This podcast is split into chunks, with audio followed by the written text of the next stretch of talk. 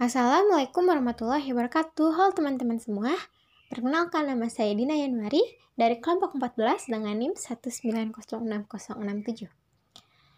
Uh, nah, di sini izinkan saya untuk mengemukakan pendapat saya mengenai chapter report yang dibahas oleh teman-teman kami dari kelompok 7.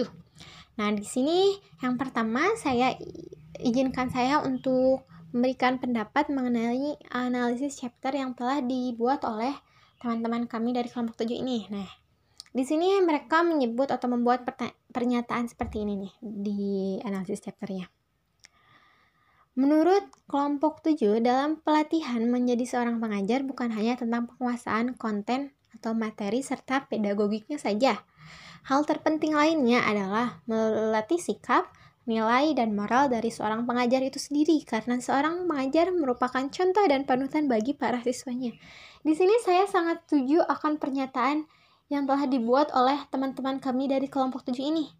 Benar-benar saya sangat setuju akan hal itu. Karena memang betul, hal terpenting yang harus ada dalam seorang pengajar itu bukan hanya mengenai pengetahuan atau pengetahuan mengenai materi atau pedagogiknya saja, tetapi yang harus dipunyai oleh seorang pengajar itu yaitu mengenai sikap, nilai, dan moral. Karena sudah terlihat jelas gitu. Apalagi terlebih pada zaman sekarang, terlebih di Indonesia. Banyak sekali guru atau peserta didik yang sudah krisis moral.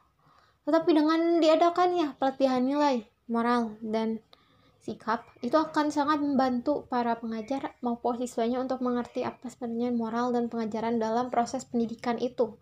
Nah, saya sangat setuju sekali dengan apa yang dibahas atau apa yang telah dinyatakan oleh teman-teman kami dari kelompok 7 ini. Saya sangat mengapresiasi.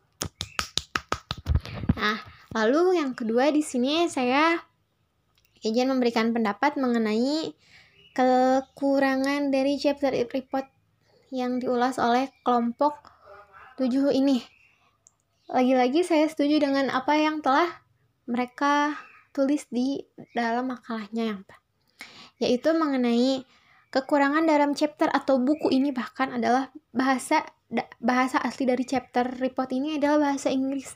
Lagi-lagi bahasa Inggris menjadi kendala untuk kita semua khususnya kita sebagai orang Indonesia yang tidak yang banyak dari kami yang tidak terlalu mengerti akan bahasa Inggris. Padahal bahasa Inggris itu sebenarnya sangat penting untuk masa depan kami.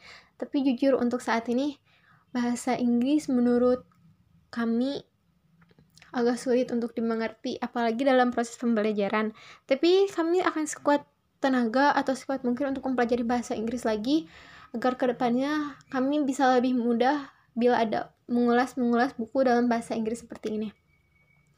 Nah, uh, di sini cukup sekian pendapat saya mengenai chapter report yang diulas oleh kelompok 7 ini.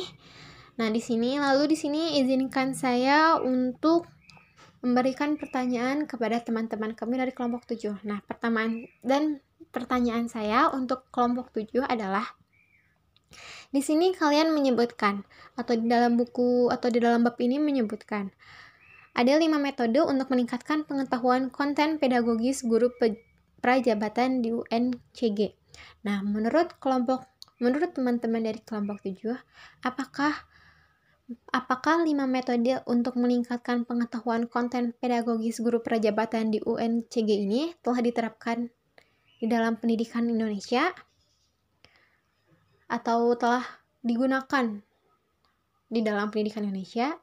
Cukup sekian pertanyaan dan hmm, pernyataan pendapat dari saya mengenai chapter report yang diulas oleh kelompok 7 ini. Selebihnya atau sekurangnya saya meminta maaf atas kata-kata saya bila banyak salah-salah kata atau pengucapan.